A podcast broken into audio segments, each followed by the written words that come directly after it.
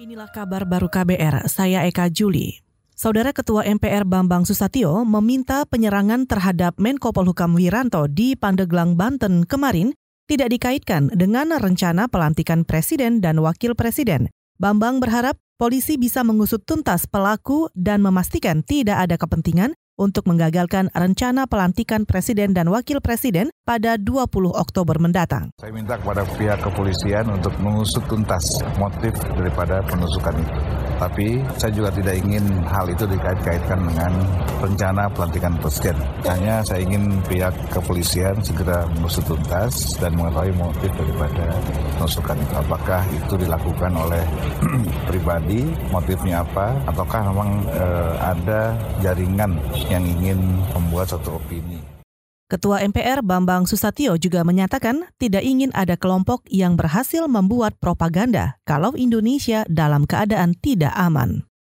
Saudara jenazah Alam Syah Akbar, korban demo pelajar pagi ini akan dimakamkan di TPU Gelonggan, Kecamatan Kebayoan Lama, Jakarta Selatan. Alam Syah Akbar meninggal dunia di Rumah Sakit Pusat Angkatan Darat Gatot Subroto kemarin sore. Sebelumnya, demo pelajar di gedung DPR Senayan Jakarta yang berakhir ricuh pada 25 September lalu menyebabkan banyak jatuh korban, baik dari kalangan pendemo maupun petugas keamanan. Salah satu yang menjadi korban dalam demo pelajar itu adalah Alam Syah Akbar. Korban yang berusia 19 tahun itu sempat dirawat intensif di Rumah Sakit Umum Pusat Angkatan Darat Gatot Subroto, Jakarta akibat mengalami retak tempurung kepala. Alam Syah juga sempat menjalani operasi di Rumah Sakit Polri Keramat Jati, Jakarta Timur. Keberadaan Alam Syah sempat tidak diketahui pasca demo pelajar 25 September lalu. Tiga hari kemudian, barulah Alam Syah Akbar diketahui tergolek dalam kondisi koma di rumah sakit. Saudara, sosok Menteri Koordinator Bidang Perekonomian di Kabinet Pemerintahan Jokowi Ma'ruf Amin harus dijabat seseorang yang ramah dengan investasi asing.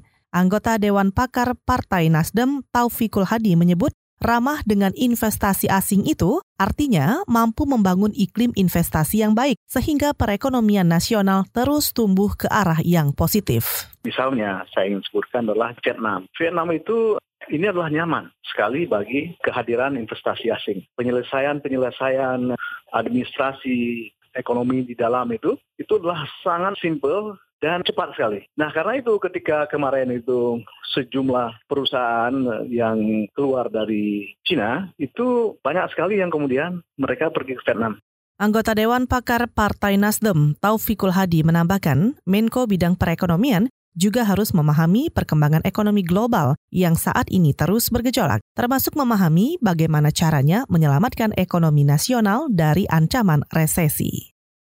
Seorang warga Garut, Jawa Barat berinisial AD ditangkap kepolisian Papua karena diduga menyebarkan video hoax dan ujaran kebencian melalui akun media sosialnya. Kepala Suf Direktorat Siberpolda Papua, Cahyo Soekarnito mengatakan, tersangka AD ditangkap di Jalan Jeruk Nipis Kota Raja, Distrik AB Pura Jayapura, minggu kemarin. Tersangka AD diketahui mengunggah video hoax tentang rumah ibadah yang dibakar di Papua. Ancaman pidana undang-undang yang dipersangkakan kepada tersangka pidana penjara paling lama 6 tahun dan atau denda paling banyak 1 miliar rupiah.